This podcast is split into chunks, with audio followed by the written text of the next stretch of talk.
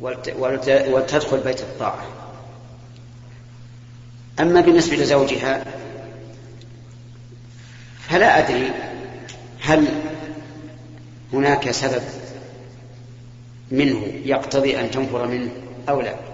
فإن كان كذلك فالواجب عليه أن آه، يعاملها ويعتذر إليها مما جرى منه. وإن لم يكن منه سبب فالواجب عليها هي أن تعود. ويا حبذا لو يتدخل أحد من أهل الخير في الإصلاح بينهم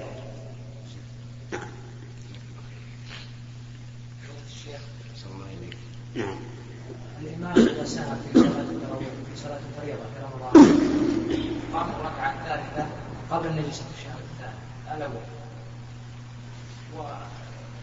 ونبه بعض المأمومين فجلس فلما أنتهت الصلاة قال له بعض المأمومين لماذا يعني جلست بعد أن انتصبت قائما؟ فاحتج أن النساء خلف المصلين لا يرونه مثلا يعني في مبنى منعزل عن المأمومين ما يرون المأمومين. فقال يعني يخشى أن يحدث ارتباك بين النساء ومتابعة الإمام. ما الحكم؟ آه، أولا يجب أن نعلم أن من قام عن التشهد الأول سواء في رمضان أو غير رمضان حتى انتصب قائما فإنه لا يجوز أن يرجع لأنه انتقل إلى الركن الذي يليه فليستمر في صلاته ثم يسجد للسهو قبل السلام. أفهمت؟ يجب سواء كان إماما أو منفردا. أما المأمون فيجب أن يتابع إمامه وأما إذا قام إلى زائدة كما لو قام إلى إلى خامسة في العشاء أو الظهر أو العصر أو رابعة في المغرب أو ثالثة في الفجر فعليه أن يقوم أن يرجع متى ذكر. حتى لو كان قد قرأ الفاتحة حتى لو كان في الركوع يجب أن يرجع ويجلس ويتشهد ويسلم ثم يسجد للسوء بعد السلام.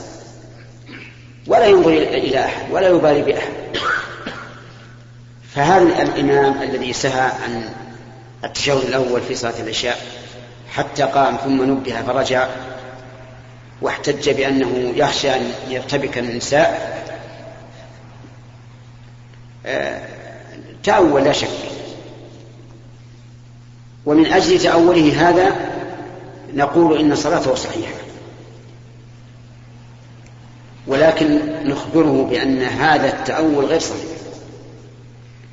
وكان عليه أن يبقى في قيامه. وبإمكانه أن يجهر بعض الشيء في قراءة الفاتحة. فإذا جهر في قراءة الفاتحة عرف النساء أنه إيش؟ أنه قد قام وزال الإشكال.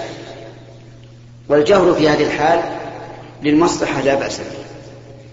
كما كان النبي عليه الصلاة والسلام أحيانا يجهر بالآية في صلاة في الصلاة السرية فكذلك هنا نقول اجهر في هذه الركعة آه، الثالثة وإن كان القراءة فيها سرا والأفضل من أجل الحاجة. نعم. بلغ الإمام بهذا حتى لا يتكرر منه ذلك. نعم.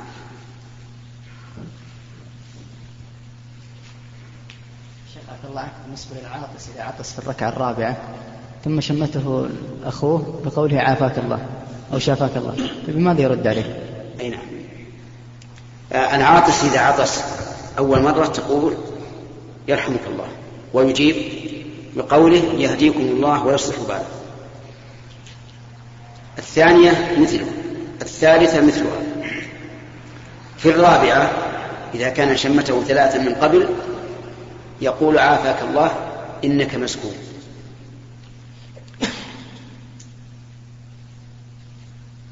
ولكن ماذا يقول العاطس؟ نقول قياسا على التحية حيث قال الله تعالى وإذا حييتم بتحية فحيوا بأحسن منها أو ردوها. أن يقول أن يقول العاطس إيش؟ عافاك الله. أو وإياك. أو لك مثله. نعم.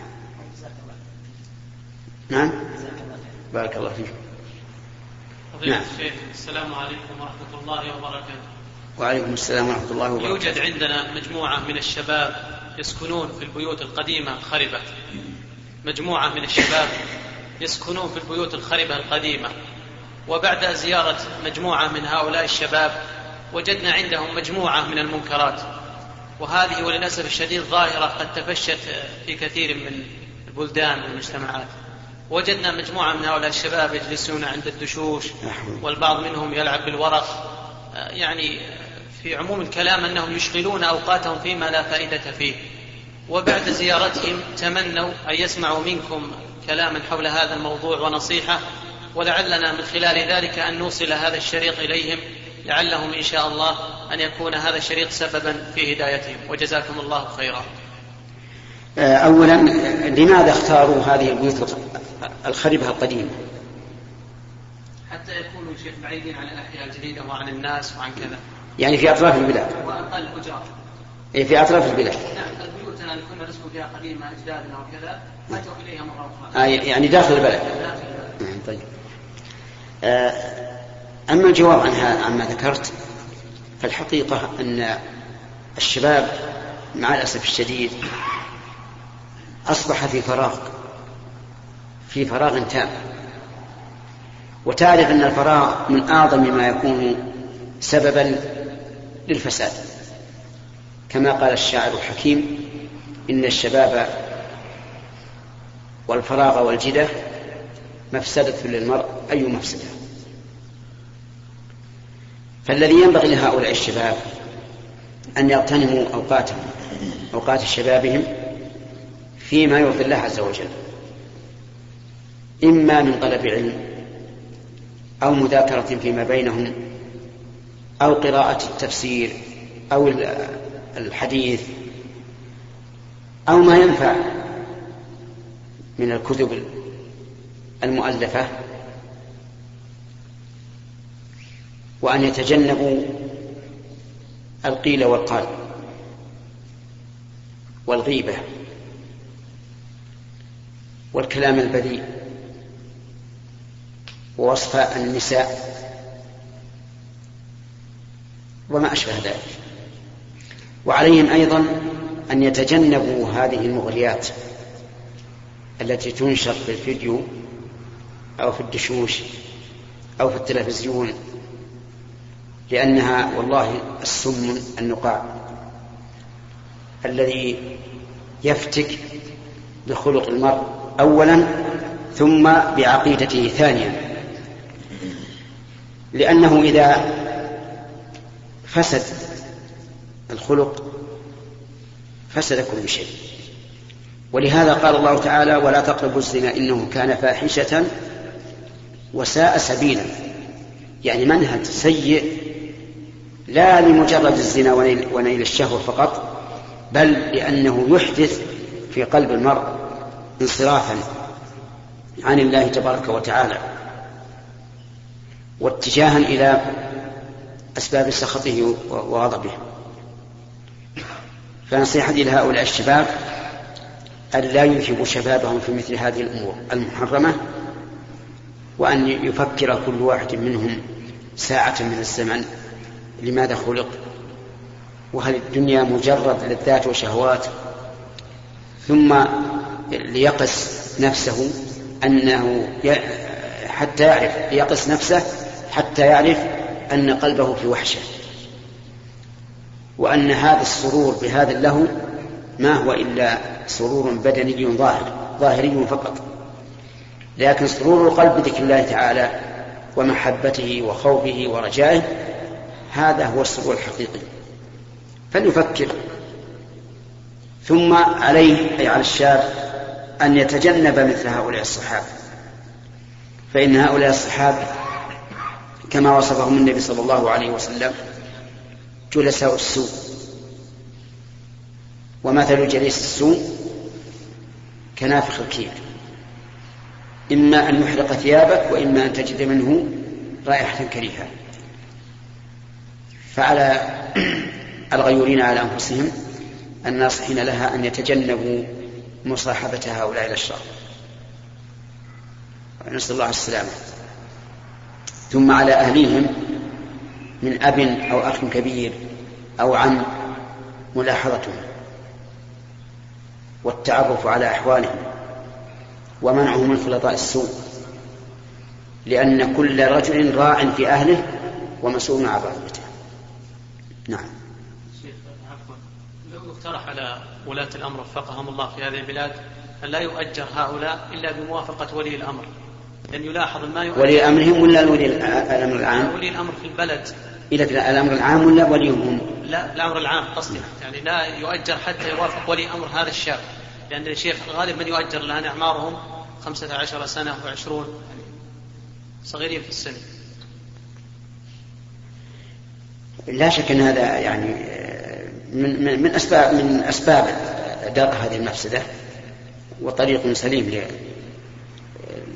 لمنعها. نعم.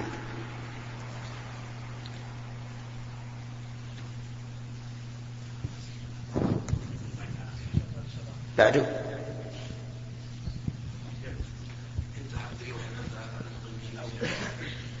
نعم. عندي سؤال يا سيد. عندي سؤال. تمام يمين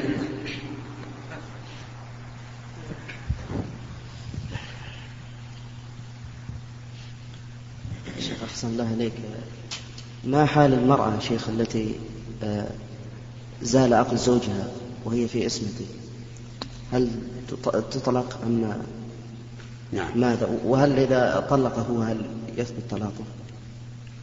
إذا جن إذا جن زوج المرأة فلها الخيار إن شاءت أن تبقى معه وإن شاءت طلبت الفصل من القاضي وينظر القاضي في قضيتها. وإذا أمكن أن تصبر عليه وتحتسب الأجر إذا لم يكن عليها ضرر ولا خوف من الرجل الذي جن فهو أفضل وأولى.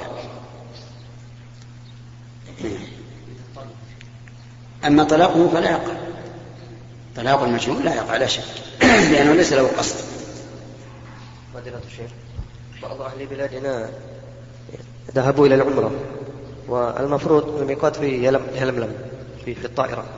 ولكنهم أحرموا في في جدة وبعضهم أحرموا في في التنعيم وقال لأني أبحث عن الفندق أو كذا هل صح عمرته؟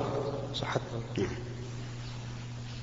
إذا أحرم الإنسان بحج أو عمرة من من غير الميقات الذي عينه الرسول صلى الله عليه وعلى آله وسلم فالإحرام لازم وصحيح والحج والعمرة صحيح. صحيح. لكن العلماء يقولون إن إيقاع الإحرام من الميقات من واجبات الحج أو العمرة. وأن من ترك واجبا من واجبات الحج أو العمرة فعليه فدية يفدي بها هذا النقص.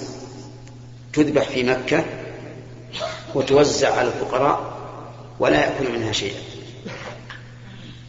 ثم إن, لا إن لم يستطع فبعضهم قال يصوم عشرة أيام وبعضهم قال لا شيء عليه.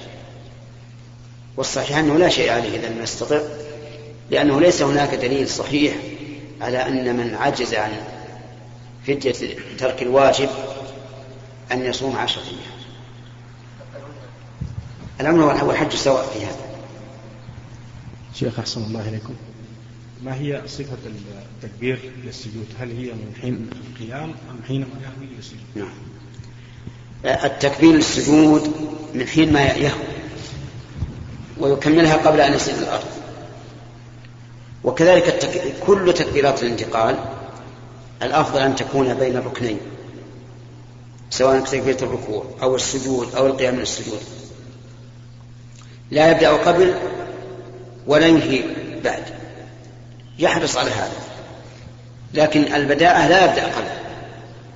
يبدأ من حين ينتقل ثم إن تمكن من إكمال التكبير قبل أن يصل إلى الركن الذي يليه وإلا فلا بأس أن يكمله بعد الوصول إلى الركن الذي يليه. نعم.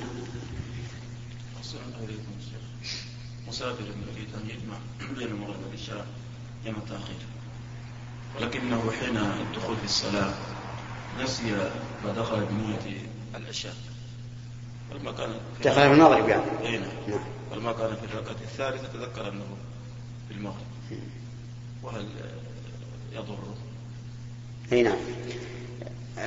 أقول هذا لا لا تصح صلاة المغرب لأنه نوى بهذا الشيء فلو انتقل بعد أن ذكر أنه يصلي المغرب أنه يريد المغرب وجعلها مغربا ما, ما صح. أفهمت؟ طيب.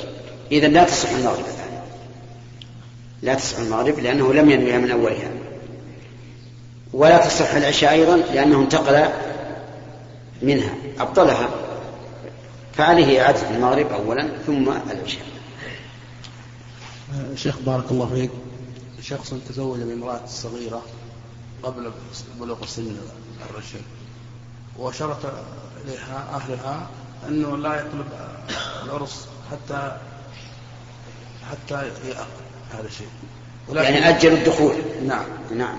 ولكن استعجل ويتصل بالرسائل ويرسل إليها بعض الصور شخصية لهذه الفتاة. هل يجوز له هذا الشخص يفعل هذا؟ بعد أن تم العقد. لا أي بعد ما تم العقد. أي نعم لا بأس. إذا عقد الإنسان على المرأة فهو زوجها. له أن يكلمها في الهاتف وله أن يرسل إليها الرسائل.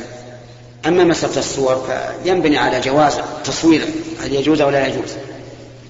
وأرى أنه لا, يرسل الصورة لأنها شافت صورته بالأول وهو شافها شاف صورتها في الأول أيضا. فلا حاجة. اللهم إلا أن يصاب بحريق ويتغير وجهه ويرسل إلى الصورة يقول لا, لا, لا تخاف الوجه لم يتغير.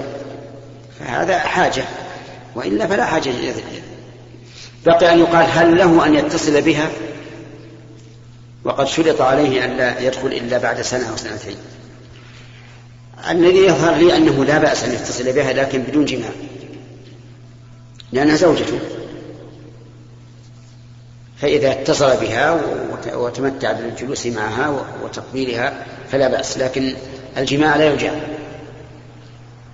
لأن الجماع فيه خطر وسوء ويؤدي إلى سوء الظن. قد تحمل من هذا الجماع. وتلد قبل وقت الدخول المحدد فتتهم المرأة ولا ولو صاح بأعلى صوته إنه هو الذي جامعها وهذا الواجب منه. لكن يقبل مثلا من الناس تسعون في المئة وعشرة ما يقبلون. أفهمت؟ وإلى هنا ينتهي هذا اللقاء. ونسأل الله تعالى أن ينفع به. وسبحانك اللهم ربنا وبحمدك أشهد أن لا إله إلا أنت أستغفرك وأتوب إليك. بارك الله فيكم نفعنا الله وإياكم. أيها الأحبة يسعدنا أن نكمل ما تبقى من هذا الشريط بهذه المادة. يقول السائل فضيلة الشيخ هل يصح أن يكون المهر اتصاف الزوج بحفظ القرآن؟ إيش؟ هل يصح أن يكون المهر اتصاف الزوج بحفظ القرآن قياسا على مهر أم اتصافه بالرفع ولا بالنصب؟ بالنصب. اقرأوا بالنصب. هل يصح أن يكون المهر اتصاف الزوج بحفظ القرآن قياسا على مهر أم سليم من طلحة حيث كان الإسلام؟ المهر لابد أن يكون تكون فائدته عائدة إلى الزوجة. لقول الله تبارك وتعالى وآتوا النساء إيش؟ صدقاتهن نحلة. وأي فائدة للزوجة إذا كان الزوج حافظ للقرآن؟ وعلى هذا فلا يصح أن يكون المهر حفظ الزوج للقرآن. فإن قال قائل ألم يمر علينا أن النبي صلى الله عليه وسلم قال للرجل زوجتكها بما معك من القرآن. فالجواب؟ بلى مر علينا. لكن الرسول قال بما معك والباء للبدل والمعنى أن الذي معك في القرآن يكون مهرا لها. ولهذا جاء في بعض الروايات فعلمها. لما قال ما الذي معك؟ قال سورة كذا وكذا قال علمها. فالصواب أنه لا يجوز أن يكون حفظ الزوج للقرآن مهرا للزوجة لأنها لا تستفيد بذلك شيئا والمهر إنما هو لفائدة الزوجة. نعم. ثابكم الله. طيب تعليم القرآن. يجوز أن يقول أصدقها أن أعلمها سورة البقرة. يجوز أو لا يجوز؟ يجوز سواء كان تعليم لفظ أو تعليم معنى. يقول السائل ما حكم الصلاة بين السواري خاصة في المسجد الحرام؟ الصلاة بين السواري التي تقطع الصفوف لكونها عريضة كان الصحابة يتوقونها حتى كانوا يطردون عن الصفوف بينها لكن إذا دعت الحاجة إلى ذلك فلا بأس. مثل أن يكون آه، المسجد ضيقا ويكثر الناس فلا بأس. أن يصفوا بين السواري. نعم. يقول السائل ما صحة الحديث المشهور على ألسن كثير من الناس؟ من شغله ذكري عن مسألتي أعطيته أكثر ما مما أعطي السائلين. نعم هذا الحديث روي أفضل ما أعطي السائلين وفي صحته نظر لأن الدعاء من سنن المرسلين. إبراهيم دعا والأنبياء دعوا. والرسول عليه الصلاة والسلام دعا. لكن هناك أماكن لا يصح فيها إلا الذكر. فمثلا سبحان ربي الأعلى سبحان ربي العظيم هذا في الركوع. لو اقتصر الإنسان فيها على الدعاء فقط ما صح. لا بد فيها من ذكر. فعلى كل حال الحديث بصحة نظر والدعاء عبادة. دعاء الله تبارك وتعالى عبادة. فهو من ذكر الله عز وجل. نعم. ثابكم الله. امرأة قطعت عنها الدورة لمدة ستة أشهر وبعد دخول شهر رمضان رجعت لها الدورة لمدة ثلاثة أيام ثم طهرت بعد ذلك وصامت سبعة أيام وفي هذا اليوم عادت إليها فهل يعتبر ما عاد حيض أم استحاضة؟ وهل نعم. وعادتها في العادة لمدة خمسة أيام. يعتبر العائد حيضا لأن الصحيح أنه لا آه، ليس هناك مدة محدودة بين الحيضتين. وأما قول بعض العلماء أقل الطهر بين الحيضتين ثلاثة عشر يوما ففيه نظر. والصواب أنها متى رأت الدم دم الحيض الذي تعرفه فهو حيض. ومتى انقطع فهو طهر. نعم. أيها الإخوة في ختام هذه المادة نسأل الله أن نلقاكم في لقاءات متجددة. مع تحيات مؤسسة الاستقامة الإسلامية للإنتاج والتوزيع في عنيزة. شارع هلالة رقم الهاتف والناسخة الهاتفية صفر ستة ثلاثة ستة أربعة ثمانية ثمانية ثمانية صفر. والرقم الثاني صفر ستة ثلاثة ستة أربعة خمسة ثمانية ثمانية صفر. ورقم صندوق البريد اثنان وخمسمائة وألف.